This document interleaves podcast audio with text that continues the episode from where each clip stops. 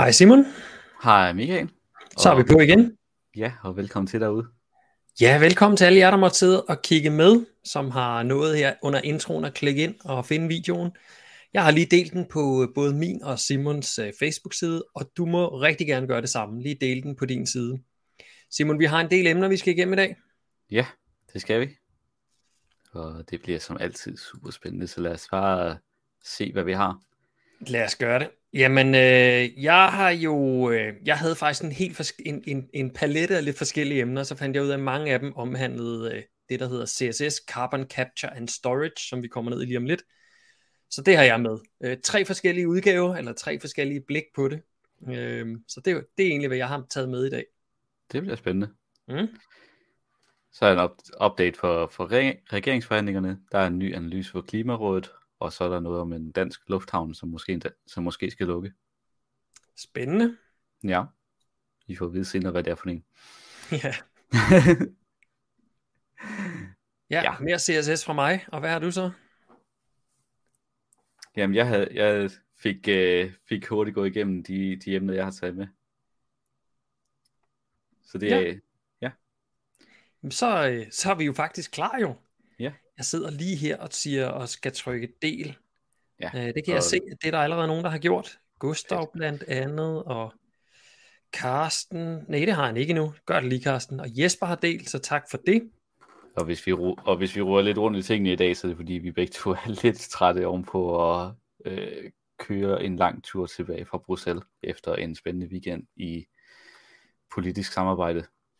Ja, lige præcis. Vi kan jo lige tage den ganske kort. Øh, det, der hedder øh, Party for the Animals, der er i øh, både i, øh, i senatet og i parlamentet i øh, Holland, og faktisk også har et sæde i EU-parlamentet. De havde inviteret alle dyrerettighedspartier og partier, der har et, en interesse i dyrerettigheder, som jo er Alternativet, hvor vi er, øh, havde inviteret os til Bruxelles. Øh, og som de øh, klimatosser, vi jo er, Simon og jeg, så havde vi tjekket flyvemaskinen, bare lige for at se, hvad den kostede. det kunne man få for 700 kroner. Øh, toget, det kunne man få for 2.000 kroner. Men vi valgte så at tage elbilen. Og udfordringen med elbilen, det er, at den tog, øh, ja, hvad var vi oppe på? 12 timer derned, og jeg tror næsten, vi er oppe på 13 timer på vej hjem. Ja, jeg tror, ja, jeg tror måske også, det var øh, lidt mere end 12 timer derned. Jeg tror også, det var 13-14 timer. Ja, det, to gange mange, mange, mange timer. Så vi Ja. kørte fredag, og så øh, kom vi så hjem i, i nat. Så jeg gik i seng her klokken 7 i morges efter en meget, meget lang køretur. Så ja, som Simon siger, hvis det bliver lidt usammenhængende, så giver vi øh, elbilen skylden.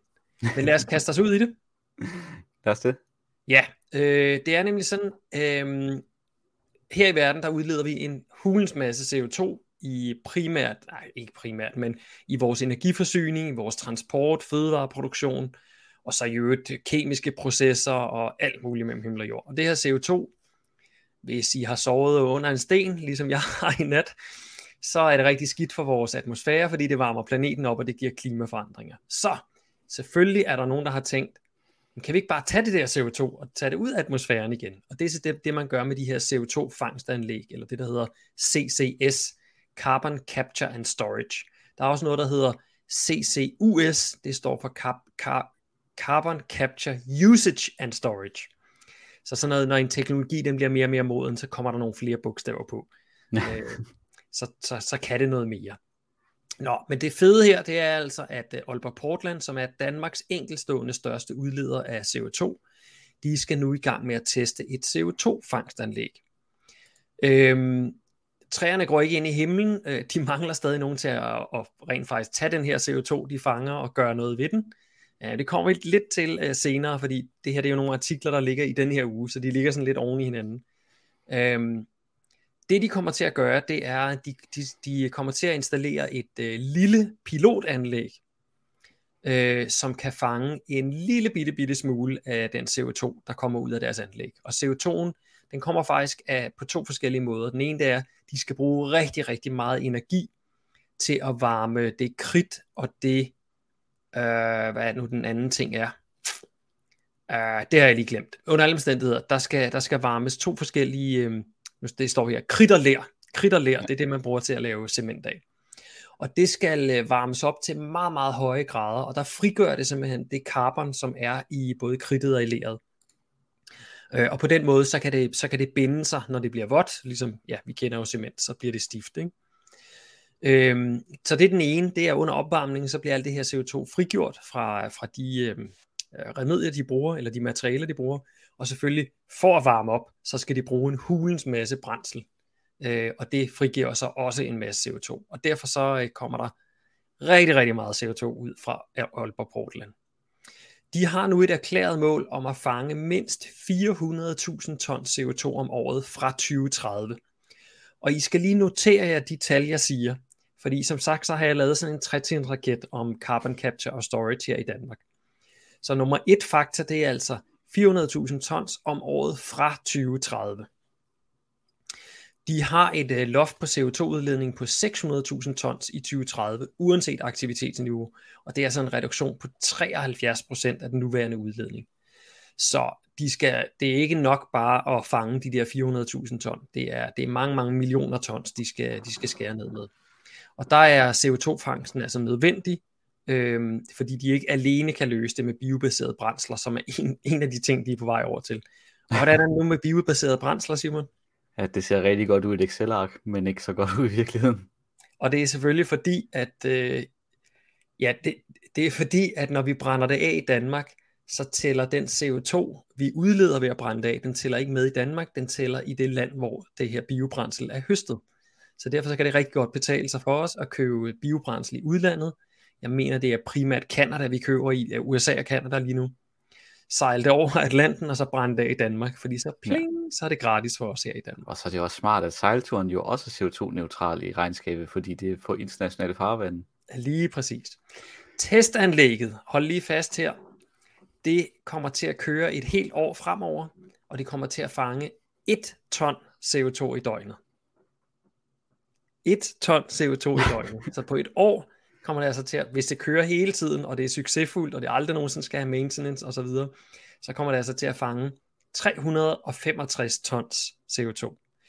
Og de skal altså op i 2030 på 400.000 tons, det vil sige, det anlæg, som de har, øh, de har sat op, dem skal de så bare lige have 1000 af, plus, plus det løse. Så de skal lige skalere det der anlæg op med 1000, og så er den brudt slået i 2030. Så det var, ja, det, I kan selv tillægge måske med mit lille smørrede smil, hvad jeg, hvad jeg um, har i forhåbninger til det. Men uh, lad os køre videre med næste nyhed. Ja, men det, men det er jo spændende, altså det er vigtigt at tænke på CCS, når det er sådan noget som Aalborg Portland, det er jo faktisk ikke at hive, det, det er jo ikke at hive øh, CO2 ud af atmosfæren, det er bare at ligesom fange, fange det, man kan ligesom se det som et, øh, et filter, man putter på skorstenen for at fange noget af det her CO2, de ville have udledt. Det er faktisk en rigtig god pointe, Simon, fordi altså man kan sige, med, øh, med det her anlæg her, så får man mindre CO2 ud i luften, men man får ikke gjort noget ved den CO2, der allerede er der. Ja. Øh, men det er jo altså, grunden til, at, at det nok er der, man vil se det de næste mange, mange årtier i virkeligheden med carbon capture. Det er, at øh, det, det er jo nemmest at, at tage noget der, hvor koncentrationen er højest. Ja. Og det er det jo i produktionen. Hvis man skal tage det, altså jeg ved nu, jeg har ikke øh, smagt på røggasserne, der kommer ud af Aalborg Portland, men jeg vil gætte på, at det er, øh, altså, jeg, hvad ved jeg, 50% CO2 eller sådan et eller andet, ikke? Øh, hvorimod i, i atmosfæren her, der er vi jo nu kommet op på 430 parts per million, det vil sige 430 milliondedele af atmosfæren, der er CO2. Øh, så det, det er jo selvfølgelig væsentligt sværere at hive det ud af atmosfæren, når, der er, når det er milliontedel, vi snakker der, hvor i den anden, der er det altså øh, procenter. Om det så er 10, 20 eller 30 procent, så er det selvfølgelig nemmere der. Ja, det er lidt ligesom, når vi også ser på plastikforurening i, i havene, så langt de fleste projekter, det er også for at prøve, prøve at fange det i floderne, inden mm. plastikken kommer ud i havene, fordi at det er meget nemmere, end at skulle filtrere mikroplastik fra ude i havet. Lige præcis, lige præcis. Og, og det er jo også, altså, det mest fornuftige er jo selvfølgelig at stoppe, stoppe ved kilden. Ikke? Det svarer lidt ligesom, at man, hvis man går og bløder, jamen, så bliver man ved med at tørre op med gulvet, i stedet for at sætte et plaster på. Så ja. det, det, er selvfølgelig, det er selvfølgelig smartest at sætte et plaster på. Helt klart. Yep. Nå, men ja. Åh, oh, jeg havde lige øh, teksten der, jeg lige skulle have vist jer, mens jeg snakkede om den. Og på, på den politiske bane, så er der rigtig stadig i gang i regeringsforhandlingerne, og det begynder at lakke mod enden til, hvor vi kan se, hvor, hvor vinden blæser. Og en af, en af de ting, der ligesom har ja, øh, gjort mig lidt øh, tri, trist over, hvor det nok går hen af, det er, at SF nu har trukket sig fra regeringsforhandlingerne. Og det er, sim- og det er simpelthen fordi, at øh, der, ligesom, der bliver arbejdet på at lave en regering hen over midten, og til det der nogle af de politiske regerings, regeringsgrundlag, der, der, der ligesom lægges op til, det er ja, øh, skattelettelser og øgning af arbejdsudbuddet og slægning på klimaområdet. Hmm. Så, på, så på den måde, så, som det ser ud nu, så kommer vi til at få en mindre grøn regering, end vi allerede havde i, i sidste valgperiode. Det må man sige.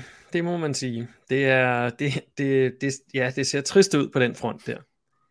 Ja. Øh, altså, jeg prøver altid at se tingene sådan så positivt som overhovedet muligt, men, men det er godt nok svært, når det er, når det er den her udsigt, vi har til en, ja, jeg vil sige, uh, Mette, hun var jo heller ikke sønderlig, eller Mettes regering var jo heller ikke sønderlig, ja, eller lad mig omformulere, Socialdemokratiet var jo ikke sønderlig grønt i sig selv, Øh, og det, at det ser ud til, at de ligger sig sammen med, med, øh, med Jakob og Venstre, Ah, Nej, ja, det har jeg ikke noget godt at sige om. Og når man kan have noget godt at sige, så skal man ikke sige noget. ja, jeg tror, en ting, jeg synes, der er lidt spændende, det er, hvis det er, hvis det, er det her ender med at ske, hvilket jeg tror, hvilket jeg tror desværre det gør. Så vi havde en, en meget interessant snak med en af de andre politikere ned til vores møde her i weekenden, som havde, som kom fra Portugal og havde et meget øh, rosenrødt billede af, af, hvordan Danmark klarer sig sådan på miljø- og klimaområdet. Så, så på den måde, så kan, ja, ikke for at lyde accelerationistisk, altså det her med, at man regner med, at ting, altså at man næsten håber på, at tingene skal gå dårligere for, at det mm. skal begynde at faktisk gå godt, så kan det måske være med til at øge presset udefra, fordi at Danmark får sværere ved at brande sig som et grønt forgangsland, som vi jo ikke ja. er. En ting, der ikke står i din øh, underoverskrift der, det er landbrug. Det har jeg set i, i andre artikler, at Pia hun også er gået fra forhandlingerne, fordi at, øh, at der ikke var nogen, altså der var ingen intention eller progressivitet omkring landbrug ja. øh, med de andre partier. Og det er jo ja. så også et sted, hvor hun har stået fast. Så altså noget positivt det er, at øh, SF også ligesom viser noget ryggrad her, og ja, for en af de sjældne gange, de siger fra over for Socialdemokratiet og deres øh, deres drejning over mod den mere blå fløj. Mm. Ja, det bliver spændende. Øhm, altså, jeg tror, vi er, øh, jeg tror, vi er få dage fra, der kommer en udmelding om en, en ny regering. Ja. Vi er, også, vi er også oppe på de længste regeringsforhandlinger i dansk historie. Så det, ja. Så ja, og der, og der er jo mange ting, der efterhånden er begyndt at tage skade af det. Øh, jeg hørte lige, øhm, at der er en del sådan nogle øh, mindre NGO'er, foreninger og øh, væresteder og sådan noget, øh, frivillige øh, organisationer, som er afhængige af penge på finansloven, men der er ikke nogen finanslov for i år. Det vil sige, de ved simpelthen ikke, om de kan fortsætte, og det, så de er gået i gang med enten øh, at, fyre folk allerede nu, eller øh, lukke projekter ned, og så videre, og så videre. Og ja, de skal jo helst vide, om de kan, jeg tror pengene udløber, var det 1. februar, Øh, og der skal de jo så helst vide, om de har nogle penge, men ja. eftersom de ikke ved det, så er de jo faktisk nødt til at, at mitigere, altså lave de ændringer, der skal til allerede nu. Øh, fordi i Danmark har man jo typisk en måneds opsigelse. Ja. Så man er altså nødt til at opsige en måned før, det vil sige ved udgangen af december måned, hvis ja. folk ikke skal være der mere fra 1. februar. Og ja, desværre så når der, er der jo nok ingen sandsynlighed for, at der når at blive forhandlet en finanslov på plads i, i, i julen. Nej, det der dog bliver sagt, det er, at man vil kunne lave sådan en, man vil kunne trække et nødhåndtag, og så sige, mm. at øh, alle de, alle de øh, ting, som er på, på puljer i finansloven, dem forlænger man bare. Ja. Så, så der er, altså, der er en mulighed, men, men altså lad os se. Øh, det, ja, nej, som du siger, øh, Jesper, som er ny øh, seer i dag, det er ikke godt for de svageste i samfundet. Det er fuldstændig rigtigt. Ja, Lad os se, hvor skidt det så også når at blive. Det, ja. det, det venter vi jo stadig på. Ja. Men ja, det bliver spændende, om der kommer en øh, konklusion på regeringsforhandlingerne her inden for, inden for den næste uge. Det gør det godt nok. Jeg er klistret til nyhederne, øh, hver gang de kommer i hvert fald. Det er spændende. Alright, skal vi gå videre med carbon capture? Lad os det. Jamen, øh, nu Aalborg Portland, der, de meldte jo ud, at nu går de i gang med det her testanlæg, men de havde ikke noget sted at gøre af CO2'en. I samme uge, der har Energistyrelsen givet Danmarks historiens første godkendelse til CO2-lagring. Tada! Det kommer til at, som I kan se i baggrunden her, et, øh, der ligger sådan en boreplatform, der hedder Nini A. Og øh, det projekt med at lære det ude i vores Nordsø, nede under de øh, kalklag, der ligger derude, det hedder Project Green Sands. Og det har altså fået grønt lys nu. Så hey, det hele det begynder at flaske sig. I øh, Project Green Sands, der, må, der er blevet tilladet til at lære 15.000 tons CO2 i sandstensreservoiret. 15.000 tons. Øh, og vi, vi står altså over for en reduktion på noget, der ligner hvad er det, vi skal have reduceret med? Var det 30 millioner tons inden 2030? Noget i den stil, ungefær. Ja. Øhm, så det er jo altså, det, det, det er rigtig, rigtig spændende. Og, og hvis det går godt, jamen så, øh, så er det selvfølgelig et pilotprojekt. Men igen, det skal skaleres op i, øh, altså, det skal i hvert fald være tusind gange mere, øh, man skal lære ude i, øh, i, øh, i Østersøen. Mm. Nej, undskyld, i Nordsøen. Øhm, det er så sådan, at nu er det, godt, nu er det her pilotfasen. Næste fase, der vil man kunne lære halvanden million tons om året. Og de siger faktisk allerede, at de vil kunne gøre det fra 2025. Og i 2030, der vil de kunne lære 8 millioner tons CO2. Og jeg mener, at vores årlige CO2-udledning lige nu tæller omkring de der 45 millioner tons. Så 8 millioner ton, det er altså en, øh, en relativt stor bid. Det er øh, det er lige knap en femtedel af vores øh, CO2-udledning, som det her projekt vil kunne lære lagre i 2030. Så igen, øh, Aalborg Portland, de har altså målet 2030, der skal de have reduceret med 70%, og der skal øh, carbon capture and storage, det skal altså stå for en meget, meget stor del af det. Og punkt 2 her, der er vi på øh, ja, altså en femtedel, lige knap 20% af vores CO2-udledning, der vil kunne lagres med det her projekt her. Så ja. super spændende, men spørgsmålet er, kan det overhovedet øh, lade sig give sig, når det kommer til stykket? Vi har lige tallene her. Så altså 15 millioner tons om året i 2025, allerede om ja, et sted mellem to og tre år. Øh, det kommer an på, om det er indgangen af 2025 eller udgangen af 2025. Mm og så altså 8 millioner ton om året i 2030. Øh, så super, super positivt det her. Igen, øh, det der så også står i artiklen, det er, at øh, man, kan man har ikke kunnet nå at få Aalborg Portland med ind i det her projekt her.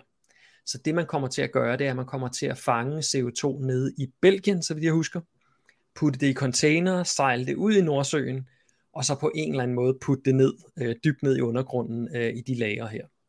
Okay. Og Ja, det, det lyder selvfølgelig... Jeg, jeg, jeg, jeg troede faktisk, at når det var sådan, man placerede de her anlæg ude på øh, langt ude i Nordsøen, så havde jeg faktisk en forventning om, at det var reelt set, at du hævde det ude af atmosfæren. Nope. Nej, det, okay. det er samme problem, som, som vi snakkede om tidligere, altså det her med øh, atmosfærisk indfangning af CO2, det findes kun i nogle bitte, bitte små øh, pilotprojekt, og de er energimæssigt vanvittigt dyre. Ja. Så jeg, er spændt, øh, så jeg er spændt på, hvordan det kommer til at se ud med hensyn til, hvor meget skibstransport der så skal være for at transportere den her, ja, men det er jo nok lidt ligesom, når man transporterer gas i andre gastyper ja. med, med, med skibe, at så har man de her kæmpe store øh, søjler, eller kub, kubler på, på skibene, som er gastanke. Ja, nu er det jo pilot, pilotprojekter, så de snakker om, at de kommer til at losse det på containere, der så bliver sejlet derud. Og ja, dumper man så containerne ned i et stort hul, eller lukker man gassen ud og pumper det med, jeg tror man lukker gassen ud og pumper det med nogle rør ned i undergrunden.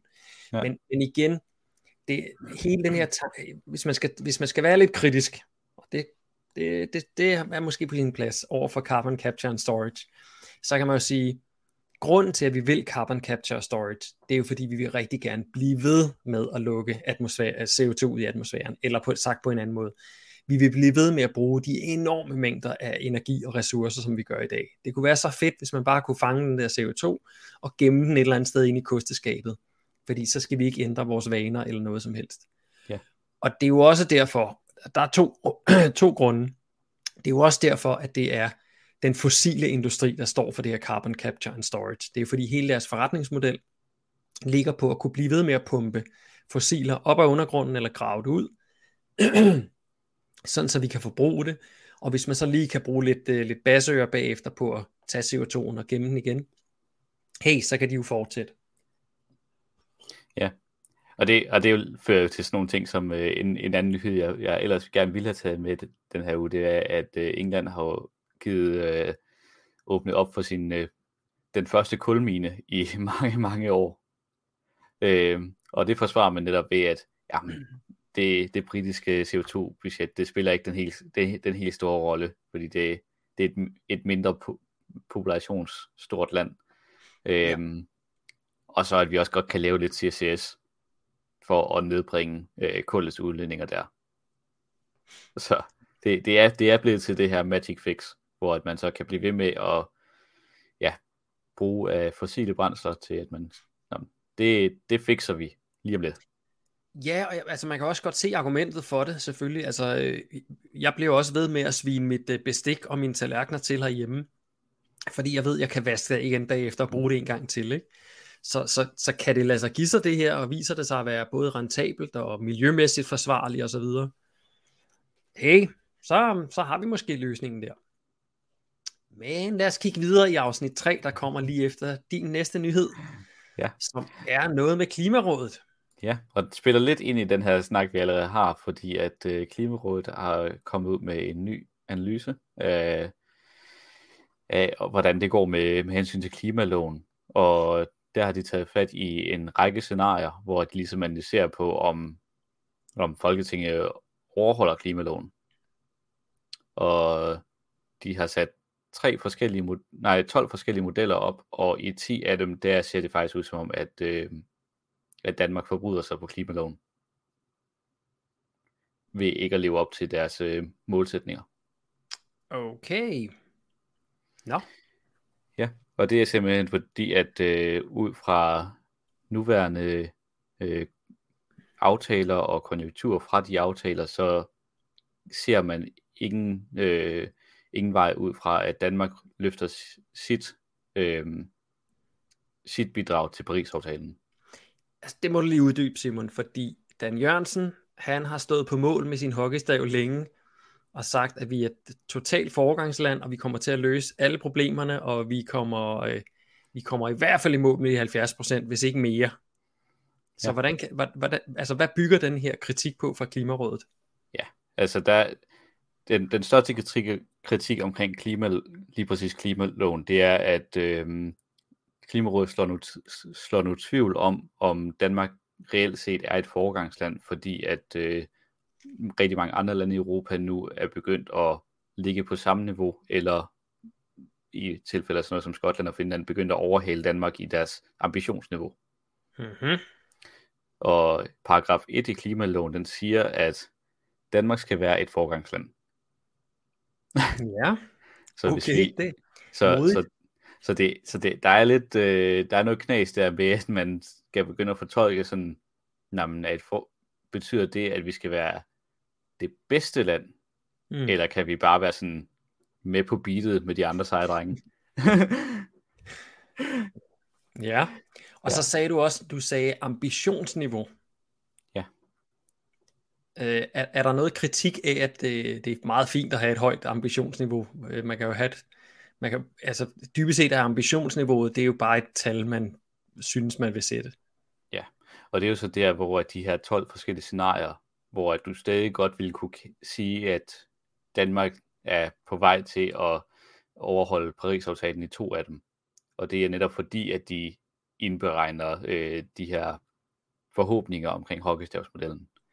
Fordi for dem, der ikke kender detaljerne i Paris-aftalen, så betyder, siger den bare, at vi skal ikke øh, overstige, til, øh, vi skal ikke have en temperaturstigning på globalt set på mere end 1,5 procent i dette århundrede. 1,5 grader, ikke? Ja. Yes. Ja, 1,5 grader, ikke procent. Ja. Øhm, hvor altså, så, så modsætningen ligger først i år 2100. Så på den måde, så er det ikke at bryde Paris-aftalen, hvis vi midlertidigt globalt set overstiger den temperaturstigning. Okay. Så, så grunden til, at de to scenarier, at vi Danmark teknisk set har en, en henholdsvis 50% mulighed og en 67% mulighed for at, for at stadig leve op til Paris-aftalen, det er, at, at man regner med, at teknologien kommer til at udvikle sig så meget, at når at vi, på trods af at vi ikke løfter vores øh, frem mod 2050, mm-hmm. og at mhm. vi nok kommer op på 1,8 eller 2,4 i de forskellige scenarier, mm-hmm. så vil CSS og så videre øh, være med til, at vi så kan hive tilsvarende nok ud af CO2 af atmosfæren til, at vi så kan komme under øh, 1,5 igen. Ah, okay. Mod, mod århundredeskiftet. Så vi, går, vi, vi overtrækker kontoen en smule, men så fikser vi det igen senere. Yes. Mm, er det ikke lidt hockeystaven, der er kommet tilbage igen der? Jamen det er også præcis det, de, de forholder sig til. Jamen altså, hold da op. Øh, og, det, og, det, og det de så ligesom sætter som det, den store øh, usikkerhed i det her, det er jo, at grunden til, at man har lagt øh, temperaturstigningsmålet ved 1,5, mm. Det er fordi, der er en række øh, enorme tipping points. Øh, de her øh, øh, naturlige øh, fænomener, hvor at hvis det er, at temperaturen stiger så meget, så kommer det til at have en eller anden effekt på et, et område, som for eksempel indlandsisen, eller, øh, eller vores arktiske ocean, eller øh, permafrosten i Serbien, mm. hvor at hvis det sker, Sibirien. så, så Sibirien, ja. ja. så det var det der med at være lidt træt i aften. Ja. Øhm, så så øhm, hvis, hvis permafrosten øh, smelter i Sibirien, mm. så kommer der øget udledning af metan fra naturlige øh, lærer, som ligger under den her is, hvilket kommer til at skabe en cyklus med, at der kommer så til at udlede en masse mere metan, som så hæver temperaturen mere, smelter mere is, mere metan, indtil at ja, vi ikke kan styre det. Ja. Øh, og det samme med, hvis øh, isen smelter i meget af det nordiske, så sænker vi planetens albedo, hvilket er den her effekt, hvor at hvis det er en hvid overflade, der, der som solen rammer, så reflekterer vi mere af varmen væk. Mm. Så når vi isen smelter, og det bliver til et meget mørk, en mørk farve vand under, så øh, absorberer vi meget mere varme. Mm. Ja, og det er jo der, der var et, et tipping point, vi ramte tidligere der, hvor, øh, jeg kan huske, hvad var det? Var det, nej, det var, øh, det var Leonardo DiCaprio, der han, der han besøger indlandsisen. Der, find, der kigger de også på, at øh, en ting er indlandsisen, selvom den smelter, burde den jo stadig være hvid. Men der har de så fundet ud af, at der, der lærer sig store mængder øh, sod og aske. Øh, jeg tror, det primært var fra kulforbrænding. Mm. Og efterhånden som isen smelter, så bliver det simpelthen fortættet. Så derfor så er der sådan en permanent mørkt lag oven på, øh, på isen som gør, at afsmeltningen den bliver endnu større. Ja. Så der er de der accelererende ting, der sker hele tiden, øh, som er ja. rigtig, rigtig øh, skræmmende. Ja, og en af de mest skræmmende, som jeg har hørt om, det er det her med, at fordi at øh, indlandsisen, den ligger kilometer op, altså sådan, jeg tror, at Grønlands indlandsisen, den ligger mange steder op på de der 3 kilometer, så alene højden på isen gør jo, at den ligger i et meget koldere luftlag. Mm. Så snart nedsmeltningen begynder, og den mister højde, så kan du ikke rigtig stoppe den igen, fordi at vi så skal overkompensere i forhold til øh, opvarmningen, den nu har på et lavere luftlag. Jeg tror, Gustav, han synes, vi bliver lidt for, øh, for simple i, i, vores, øh, i vores forklaringer her. Han mener, det her det er naturgeografi på C-niveau. Det kan godt være, at vi skal højne niveauet en lille smule. I må lige give en thumbs up eller en thumbs down i kommentarfeltet. Men altså, under alle omstændigheder, så, øh, så, så får vi altså en, øh, en, en, en kritik her, øh, som måske er med rette. Men om ikke andet, så, så tror jeg egentlig, at den her kritik er mere rettet mod vores magthavere, altså mm. politikerne, mm. fordi det er ikke det, er ikke det, det, er ikke det vilde øh, videnskabelige arbejde, det her. det er ret, ret simple processer, som alle, som alle, der har været igennem en, en, bare en, en god del af vores uddannelsessystem, burde kunne forstå, i hvert fald hvis du sidder med et af verdens bedste embedsværk bag sig. Ja. For eksempel naturgeografi på C-niveau. Ja. så, så, det bu- så det burde ikke være op til diskussion om, hvor vigtigt det er, at vi handler på, på klimaområdet. Og måden man ligesom har klima, Klimarådet har grebet af det her an, det er ved at tage øh, det, når, man, når de snakker omkring, hvad for dan, det danske ansvar, så, så gør de det ved at sige, når, hvad udleder Danmark øh, og de danske borgere på både scope 1, scope 2 og scope 3, mm. og så skalerer de det ud på, hvis det nu var alle levede som os, ja. øh, så skulle det gerne sted overholde Paris-aftalen. Ja. Og gør det så det? Jamen det gør det jo så i de her to øh, absolut mest øh, optimistiske hockeystav tilfælde. ja, lige præcis. Og, og de andre 10, som er øh, i det i, i øh, lidt mere realistiske scenarier, så nej. Så ender, så ender vi på en, i forhold til hvad Danmark gør, så ender vi på en øh, alt fra 2,4 til op mod over 3 grader. Uh, okay, så vi må altså håbe på medvind på cykelstien og ned ad bakke. ja. Ja, det, det krydser vi så fingre for, og så krydser ja. vi også fingre for, at uh, carbon capture and storage kommer og løser problemet.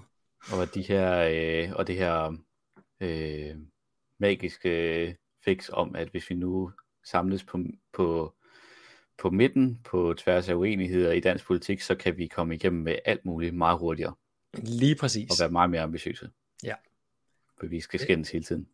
Ja, og hvem ved, altså, når kloge mennesker siger sådan noget, så må man jo lytte til dem. Hmm. Så må vi bare vente på, at der er nogle kloge mennesker, der siger sådan noget på et eller andet tidspunkt. Jeg har ikke hørt nogen endnu. Nå, men øh, skal vi hoppe videre til, hvad Nora siger om... Øh... Ja, jeg blev lidt inspireret af Noah, som er kommet med en, øh, en, en, lille, en, en lille kritik, øh, eller et lille, de stiller nogle spørgsmål i hvert fald. Og et, et meget øh, oplagt spørgsmål, det er øh, omkring carbon capture and storage, det er, kan vi bare trylle Danmarks CO2-udledninger væk inden for to år? Um, og det er jo faktisk ikke det, som hverken, øh, hverken Aalborg Portland siger, og heller ikke det her forsøg ude, øh, som Energistyrelsen har givet, givet lov til, øh, det her Project Greensand, som vi var inde på før. Det er jo ikke det, de siger. De siger, at de vil være rigtig, rigtig godt i gang i 2030. Men øh, hvis man så kigger på, hvad regeringen siger, øh, den her graf her, den er taget fra regeringens klimaprogram. Klimaprogram 2022, så det er altså, det er spritsnøje øhm, der, har man, øh, der har man gået ind og øh, lavet en lille graf over forventningerne til øh, reduktionspotentiale. Og hvis et reduktion, lige for at man skal forstå den her graf her, et reduktionspotentiale, hvis det er stort, altså hvis det fylder meget i den graf her, så er det fordi, vi ikke har gjort noget ved det endnu, men der er et stort potentiale. Og når det forsvinder, så er det fordi, pling, så har vi løst potentialet. Og øh, farve nummer to, som i mine farveblinde øjne er sådan en bare en grå farve. Øhm, altså den der, er, den, der fylder rigtig meget i den graf her. Som vi kan se, den hedder CCS på el, fjernvarme og biogasanlæg. Øhm, der er mere end, der er et større potentiale på CCS i det hele taget, men den er ikke med på denne her øh, graf, fordi det er kun energisektoren, de har taget. Men hvis vi kigger på grafen, så kan vi altså se, at der bliver reduceret blandt andet i øh, husholdningen. Det er den farve, der er ned, allernederst i bunden der kan vi se, at det går rigtig godt med at få installeret varmepumper og fjernvarme. Mm. Allerøverst oppe, der har vi varmepumper og fjernvarme i serviceerhverv, der kan I også se, at den falder løbende. Og så lige der i år 2025 til 2026, der forsvinder hele potentialet for CCS på el, fjernvarme og biogasanlæg.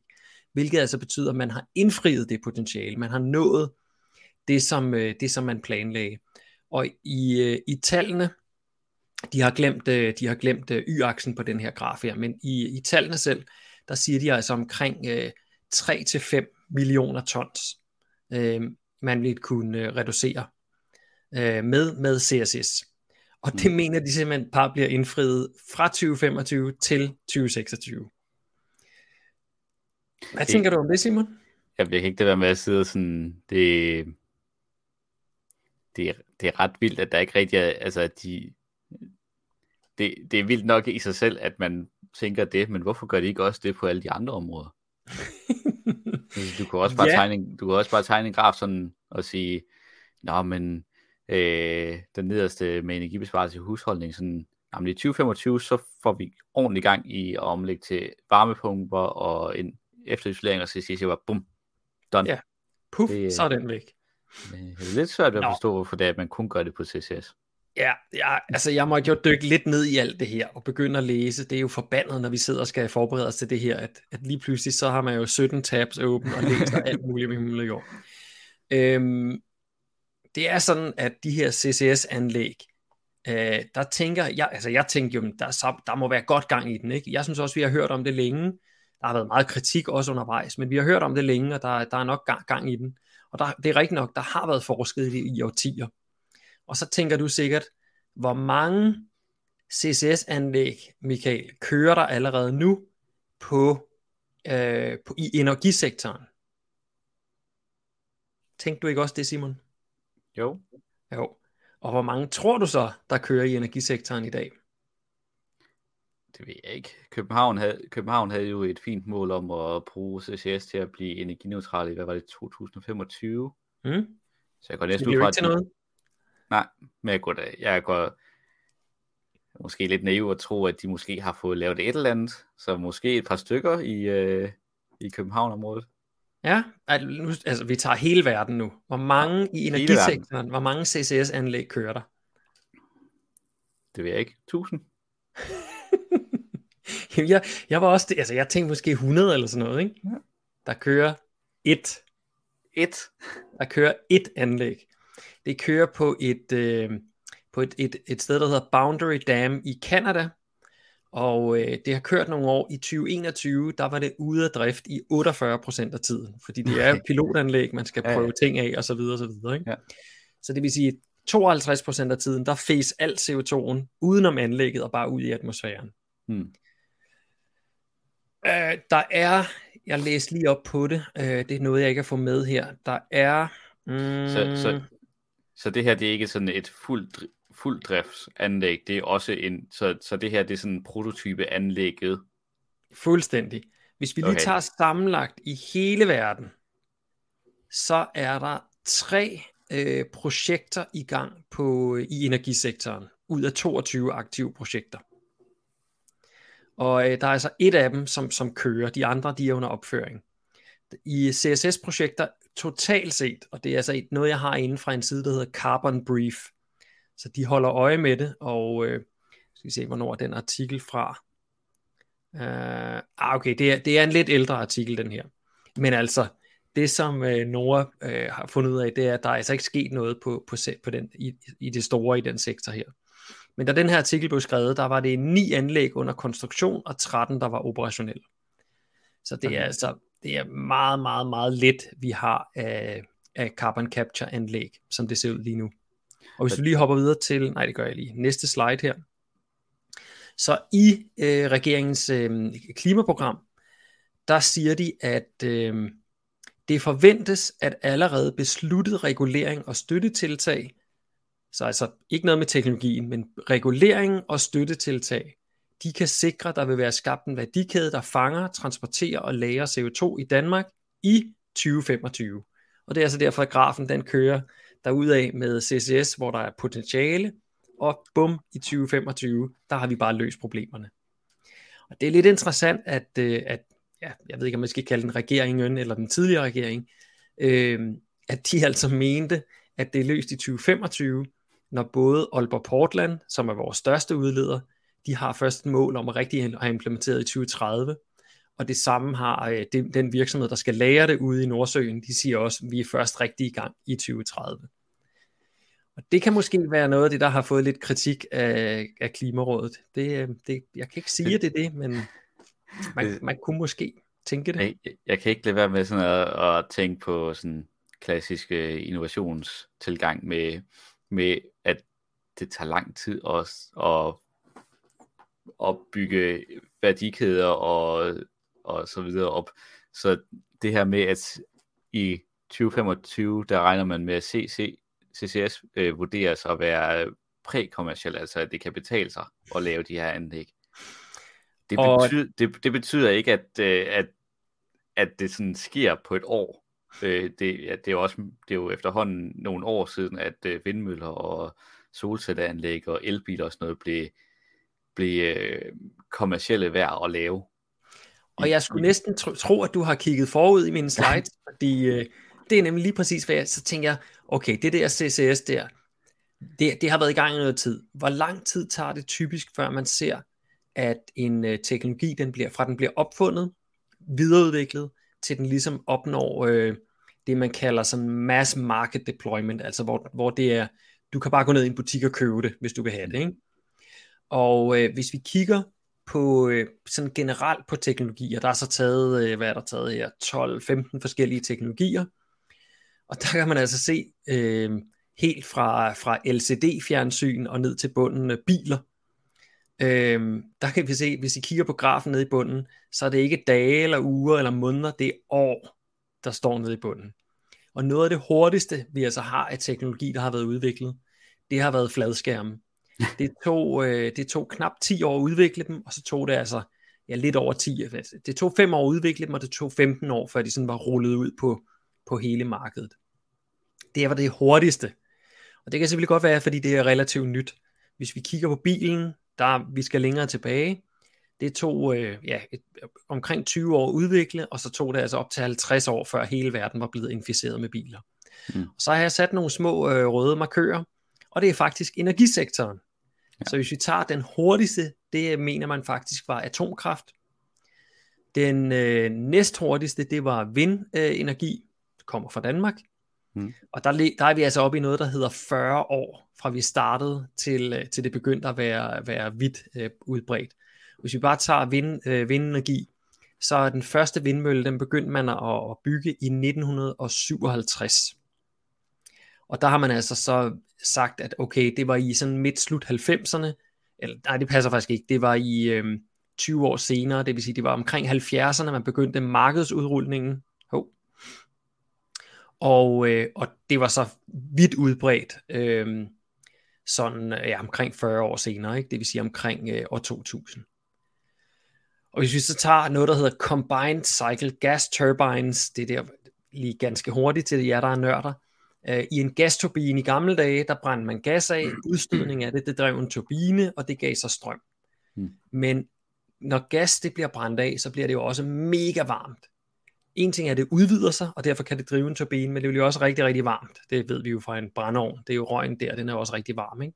Ja. Og en combined cycle gas turbine, den tager altså både en turbine, som virker på det gas, der kommer ud, når man forbrænder, men så den gas, den er jo rigtig, rigtig varm, og det varmer så noget vand op senere hen, og det, det, det damp, det driver så nogle turbiner også, så man så ligesom får dobbelt så meget strøm ud af, af afbrændingen. Ja. Jeg tror, det øger effektiviteten med 40%, så det er, det er relativt øh, stort i hvert fald.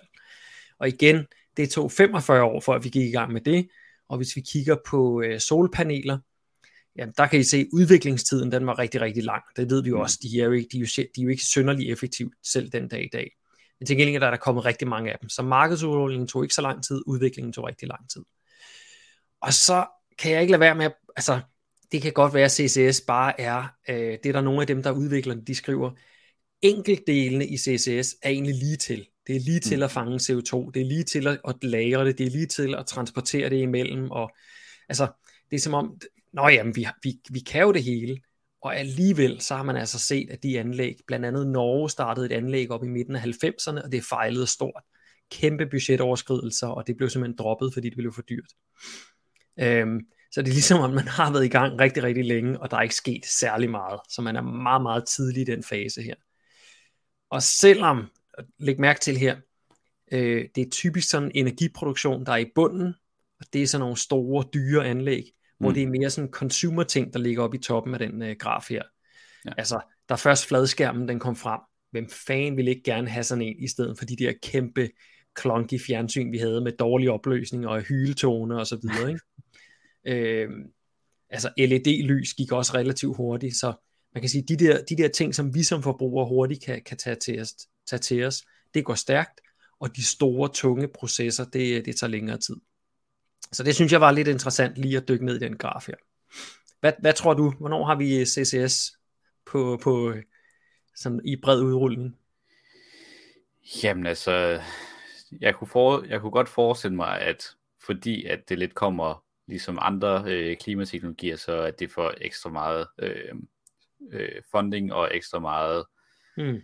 øh, ja, at der bliver sat ekstra, stor fokus på at få skaleret det her op. Så de, de bottlenecks, man kommer til at møde, det kommer til at være, at der skal være en værdikæde, der kan levere dele til det her, og ja. så skal der være folk, der når, nok folk, der når ud, bliver uddannet til at kunne bygge de her anlæg og sammensætte mm. de dele, at der er i forskellige dele i, i, forsyningskæden. Ja, men altså, øhm, I, I kan godt så, høre det, kære lytter, ikke? eller seere. Altså, det er en værdikæde af komponenter, der skal opbygges, og vi skal have trænet personel til overhovedet at lave det her. Altså, fabrikkerne til at lave det skal, skal bygges fra grunden af, og så videre, og så videre, og så videre. Ja, så det er godt, det, altså, jeg skal ikke kunne, jeg kan, jeg, jeg kunne godt forestille mig, at vi muligvis ville komme over den grå del af de her bars, altså den, der hedder Intervention, Development and Demonstration her mm. i, uh, i uh, 2025. Det, jeg ved ikke helt nok om emnet til at kunne give, men det, men det kunne nemt være. Ja. Øh, men så står vi altså over for et kæmpe, enormt øh, stykke arbejde med sådan mm. alt det praktiske i faktisk at lave tingene. Ja, det, det kan godt altså, være, at der er ret mange investorer, som begynder at tænke, det her det er fedt, fordi vi kan, det kan godt betale sig. Mm, men det betyder bare ikke, at det kommer til at gå hurtigt. Og så er der en anden kæmpe stor udfordring i CSS, i modsætning til sådan noget som mobiler og fladskærme, så er det jo noget, der giver værdi for mennesker. Mm. Eller direkte værdi, skal jeg sige, fordi at problemet med sådan noget som CCS, det er jo, at det giver kun indirekte værdi. Altså, ja. der er ikke nogen af os, der kommer til at mærke den dag, at der står et kæmpe stort CCS-anlæg ude, ude i Nordsøen, eller ved Aalborg Portland. Det kommer ikke til at påvirke forbrugernes liv. Mm. Øh, Nej, og, det, og det er et fordyrende element. Ja, det er det, det skal ses som et, øh, et, et utility, altså et public utility, med at det her det kommer til at spille en rolle for samfundet som helhed, ikke som for individerne i samfundet. Øh, og det, det gør det bare væsentligt sværere, for du kan ikke tjene, du kan ikke tjene penge på det, på samme måde som du kan på en telefon eller på en fladskærm. Nej, altså man kan jo tjene penge på det, ligesom man kan tjene penge på katalysatoren på biler. Det er jo også et fordyrende element, og, og, og, og noget vi egentlig ikke gider betale for osv., mm. men vi har det alle sammen. Ja. Og det er jo selvfølgelig, fordi der er kommet nogle miljøkrav, og så kan de virksomheder, der, der kan finde ud af at lave katalysatorer, de kan så tjene penge. Så, så, så, så for at ja. det her det kommer til at fungere, så kommer det til at kræve, ja, det kommer til at kræve, at vi får god CO2-beskatning. Simpelthen. Og det tror jeg ikke, vi har øh, et god CO2-beskatning på, på øh, øh, alt, altså bare alene i Danmark, men øh, på, øh, på bredere områder i, i verden øh, her i 2025. Nej, det mener du alligevel ikke. Nej, så ved jeg ikke helt, hvor at det store motivation skal komme for, at vi laver den største udrulning af en teknologi i verdenshistorien. Nej, det er det. Og, og, og en, en ting, der netop er at værd at tænke over her, det er, som vi jo har snakket om, så vil man rigtig gerne sætte de her anlæg på kilden for CO2. Og der vil man sætte et på Aalborg Portland, men vi har jo så, altså vi har jo tusinder af punktkilder alene i Danmark. Mm. Øh, sukkerfabrikkerne, der brænder enorme mængder gas af, øh, altså ja, praktisk taget alle procesanlæg, ikke? de udleder jo en, en, en stor mængde CO2. Man kan selvfølgelig sige, kommer vi frem og bliver øh, tilnærmelsesvis 100% elektrificeret, jamen så er CO2-udledningen på kraftværkerne. Øh, og så kan man altså sætte dem op færre steder. Mm. Men, men indtil da, så er øh, CO2-udledningen, den er jo alle mulige vegne. Så det er jo, det er jo millioner af anlæg, der skal installeres i hele verden. Øh, ja, good ja. luck, siger jeg bare. Der er lige et link til, øh, til den her, øh, til grafens øh, ophav nede i bunden. Den kommer fra Science Direct, og så er det, det er faktisk et studie det her, i hvor hurtigt man kan udrulle teknologi. Jeg har lige kigget på CCS Technology Roadmap 2013, hvad man mente, der, der var muligt der. Og der kigger man så på øh, milliarder af ton CO2 om året. Øh, så det er altså megaton, det er så milliarder. Øh, og det er altså den forhåbentlig øh, udrulning, man, man kigger på. Og der kan vi jo se, at i 2025, der er man jo ikke til nærmelsesvis øh, noget særligt langt med, med CCS. Og det, mm. ja, det er vi så heller ikke på verdensplan. Øh, jeg, jeg, jeg mangler lige at finde en artikel, der sammenligner, hvad man tænkte øh, tilbage i 2013, og hvor langt vi er nået nu, altså her knap 10 år senere. Ja. Øhm, det der ligner men, det jo en, en mere realistisk S-curve øh, ja. adoption. Lige præcis, som jeg jo kender fra alt andet. Det, ja. øh, det går rigtig langsomt, mens vi stadig udvikler, så begynder teknologien at være lovende og interessant, så øh, er der rigtig, rigtig mange, der, der, der høster de lavt hængende frugter, og så begynder det at være sværere at finde ud af, hvor skal vi så sætte det henne, fordi så har man jo taget de anlæg, der producerer meget CO2, vil man så sætte et dyrt anlæg et sted på et, et eller på et anlæg, der kun producerer lidt CO2, ja, og så begynder det at gå langsommere igen og flade ud, ikke? Så det er, det er altså der, man mener, mener potentialet er. Men øh, der er så meget litteratur og studier, og jeg ved ikke hvad på CCS. Det er, det er nærmest det speciale i sig selv. Og det glæder jeg mig rigtig meget til at følge mere op på øh, senere. Men, øh, men det var, hvad I fik for i dag. Øh, jeg håber, det, øh, jeg håber, I har fået et nuanceret indblik i CCS, og det ikke blev øh, kun negativt. Så har vi jo lovet, Simon, at have en, en nyhed, der i hvert fald virker lidt positiv med. Har du, ja. Er du lykkes med at finde en, en, en nyhed, der er lidt positiv? Måske. Måske. Karup Lufthavn. Karup Lufthavn. Hvad er det for en lufthavn? Er der nok nogen, der tænker, fordi at det er, sådan, øh, det er en af de mindre lufthavne. Vi, vi, har jo, vi har jo et par store lufthavne i Danmark. Der er Billund mm. Lufthavn, øh, Kastrup Lufthavn i København og Aalborg Lufthavn, som er de her øh, de tre større, hvor mm. Københavns Lufthavn sjovt nok er den kæmpe store af dem. Af dem. Ja. Men der er også nogle forskellige små lufthavne på blandt andet Bornholm, i Sønderborg og Karup her i, i Jylland. Er det ikke den, der ligger lige nord for, Ol, øh, for Aarhus? Nej, den ligger... Øh, jeg er ret sikker på, at den øh, sidst jeg... Det er ved, lidt ved nogle år siden, jeg har været derude og skulle hente et familiemedlem, der boede i, øh, i Jylland, jeg er ret sikker på, at den ligger i Vestjylland. Ja, den ligger i Viborg, kan jeg se. Ja. Den bliver kaldt Midtjyllands Lufthavn. Det så hvis I forestiller jer Aarhus ind i landet, så kommer Silkeborg, så kommer Herning, og lige skråt op over begge, både Silkeborg og Herning, der ligger Karup Lufthavn. Så blev jeg også så meget klogere. og, ja, øhm, vi får lige ja. noget kritik her fra Allan, der siger, at vi er jo helt på månen. Ja. ja det er godt, godt, vi har Google Maps. Sorry, Allan og alle andre fra Jylland, som måtte kigge med her. Undskyld. Ja, jeg har tydeligvis været for længe væk fra Jylland. men det er også et stort sted. Ja. I danske standarder. Ja. Men, men øh, historien omkring Karup Lufthavn, det er, at øh, den er, der er simpelthen et, et firma, der ligesom er klar til at drive den. Så, så rent kommercielt, så så der er ikke noget, der kan flyve lige nu. Og en lufthavn er dyr at have stående, uden at der, der, uden at der skal flyvninger, så det, det er meget muligt, at øh, den simpelthen må lukke og slukke, hvis der ikke findes en løsning meget snart. Okay, så der altså, så firmaet, der skal drive lufthavnen, der, altså, der er ikke nogen, der byder ind? Nej. Hmm. Hvem, hvem har drevet den indtil nu, ved du det? Øh, de sidste syv år har Danish Air Transport ligesom øh, drevet. Øh, Dat, ruterne. Der, jeg husker. Ja, som, ja. Har, som, har drevet, som har drevet øh, flyruterne. Mm-hmm. Og øh, de har ligesom stået for indrigsflyvninger i Danmark, hvilket er relativt det meste af det, Karup, har stået, Karup Lufthavn har stået for. De har mm-hmm. været indrigsflyvninger. Øh, de, har ikke, de har valgt ikke at forlænge aftalen med lufthavnen. Og det er primært fordi, der ikke passagererne ikke kommet tilbage, til, tilbage i stort nok antal siden uh, corona startede. Hmm. Så øh, ja, øh, de lokale politikere, som faktisk gerne vil have den her lufthavn til at eksistere, ja, de, eksisterer, de, de eksisterer. Øh, de, de peger på, at mindre der kommer øh, statsstøtte, så, øh, så kan vi ikke have det, så kan lufthavnen ikke finansieres. Hmm. Og det er, at vi snakker altså om, da den ligesom havde sin peak før corona, med hvor mange passagerer, der fløj derfra, så var det omkring 120.000 om året. Okay. og, lige, og i år, der står der, at antallet af passagerer var lige over 20.000. Wow, okay. Så, Så det altså er... en, en femtedel. Ja, Ej, ja, lidt, ja. lidt, mere, lidt, mere, lidt, øh, lidt mindre end en femtedel. Så, Der kan man bare se.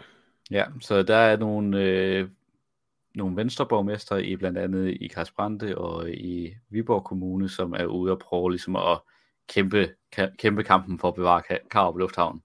Mm. Men øh, indtil videre så nogle af de andre små lufthavne, de får allerede statsstøtte, fordi at de er med i en pulje, hvor at man mener, at det er, de ligger så afsides, at man ligesom har givet dem ekstra støtte for, at de kan, at man kan sørge for, at borgerne de har transportation, transport, transportationsmulighed. Som for eksempel for, for Bornholm, hvor det, du ikke bare kan tage toget. Ja. Øhm, men indtil videre så er det ikke lykkedes at- for dem at få øh, Karup Lufthavn med i den, og det går ud fra, fordi at man mener, at, øh, at, at Midtjylland trods alt ikke ligger, ligger ud, nok ude i ingenting til, at man, til at man synes, det giver mening sådan rent transportmæssigt. Mm-hmm. Ja. Det er jo en, øh, det er jo på en eller anden måde er det trist, men på den anden side, ja, hvis vi kan få nogle, øh, noget effektivt tog i stedet for, så er det ikke så ringe endda. Ja. Jeg, det er jo ikke fordi, der er blevet ud, udbygget øh, god ny transport i Jylland, så jeg er lidt, jeg kunne godt tænke mig at vide, hvad det er, der har drevet den her udvikling. Ja, Om det er, altså med corona, så kunne jeg, så kunne jeg jo, altså der er jo nok nogen, der har, der har lært, at du ikke behøver at flyve til, til alle dine erhvervsmøder. Fordi du, ikke, du behøver sikkert at have lige så mange erhvervsmøder, som, som, som vi måske havde før, tid, før i tiden, Mm. mm. in person. Men altså et, et forsigtigt skud kan jo også være, nu kan jeg se her igen på et, øh, et kort, som jeg er nødt til at benytte mig af. Altså Bilund, et forsigtigt skud ligger Bilund i en, en time, en god times kørsel øh, syd for. Så det kan jo altså også være, at, øh, at Bilund simpelthen bare har været bedre til at, at få kunderne tilbage efter corona. Ja. Øh, fordi, altså, Karup ligger jo faktisk imellem Aalborg og Bilund, ikke? Tættere. Ja. på Bilund, men, men altså, der er jo muligheder for at, at så køre et andet sted hen øh, Ja. og flyve. Så, og jeg kan huske, jeg så for ikke så lang tid siden nogle planer om at udvide Bilunds Lufthavn, så det kan, mm. så det kan potentielt være, at Bilund stort set har overtaget den flyvning, der nu var for Karup. Maybe. jeg Ja, har ikke, også læst op, ikke har læst op på, men det kunne man frygte. i og med det er også, som du siger, det, det, det har meget været indrigsflyvninger. Mm. Øhm, det kan jo godt være, at der er færre indrigsflyvninger, også på grund af Zoom. Altså det kan være sådan noget så simpelt som det, at før i tiden, der, der tænker man, når jeg skal til møde, men så tager jeg lige flyveren. Og i dag, der har vi bare vendet os til, nej, ja, vi, vi laver da bare et Zoom-møde, ikke? Mm. Så det kan være sådan noget der. Mm-hmm. Så Ja. ja. måske en god nyhed. Ja, og det er jo lidt interessant. Øh, jeg ved, nu har jeg boet i Farum, og der havde man jo Værløse flyvestation. Og Værløse flyvestation var en øh, militær flyvestation, der lukkede ned. Og der er jo altså kommet alt muligt spændende derude. Jeg har været ude og løbe, øh, løbe rulleskøjter på, øh, på øh, startbanen. Det er, det, er altså, det er ret fedt faktisk. Ja. Øh, fordi det, det er bare uendelig asfalt. Sådan en følelse, mm. Mm. når man står derude på en, på en startbane, der er, hvad er den? Den er en kilometer lang eller sådan noget, ikke? Ja. Det er også, øh, øh, Odense er jo også et, et rigtig godt eksempel på, at der kan være positive, positive ting ved, at en lufthavn lukker ned. Fordi Mm. mm. Odense har også en, en, en, øh, en, en lufthavn, som ikke er i kommersiel drift Mm-hmm. mere. Men øh, til gengæld så har den stadig rettigheden omkring øh, det luftrum, der er omkring Odense. Og det er det, at man har muligheden for at lukke det luftrum ned, øh, ud fra at man har en lufthavn, Mhm. det har faktisk været med til at sørge for, at man kan have en Europas bedste drone, drone i udviklingscentre. Ah, okay. Så det Hvilket er, en, nogle... hvilket er en af grundene til, at øh, for dens population, at øh, Odense har nogle af de mest øh, flest robotvirksomheder og udvikling på det område. Der kan man bare se. Ja. Det, det var et, øh, et nørdet fun fact. Så, så, så, det, så, det kan, så det kan være, at hvis der er krav lufthavn, så kan det være, der kan komme noget andet end øh, landbrugsindustri i, øh, Ja, ja, ja. i Midtjylland. Er det den, der hedder Hans Christian Andersen Airport? Ja, det tror jeg. Ja, Den ligger lige, den. lige nord, den ligger lige nord for, nord for Odense. Ja, det er, det er den, jeg kigger på Ja, her. Hans Christian Andersen. Mhm. Alright, jamen det var jo så en lille, måske positiv nyhed. Og ja. øh, med det, så runder vi af for i dag, Simon. Ja. Så skal vi ind og putte under dynerne og få lidt af den tabte søvn tilbage. Ja, så vi kan være friske til næste gang. Ja, og også så vi kan begynde at udføre nogle af de ting, vi lærte nede på konferencen i uh, Bruxelles. Ja. Øh, om hvordan man bliver mere effektiv i, uh, i en sag. Og den her sag her, det er jo altså øh, dyrenes sag. Dyrerettigheder. Øh, så det, det glæder jeg mig personligt til at, at begynde at teste af med kampagner og, og hvad vi ellers øh, blev, blev uddannet i. Ja. Ja. Okidoki. Så, Så øh, skal vi bare med. Ja, lige præcis. Hej hej. Hej.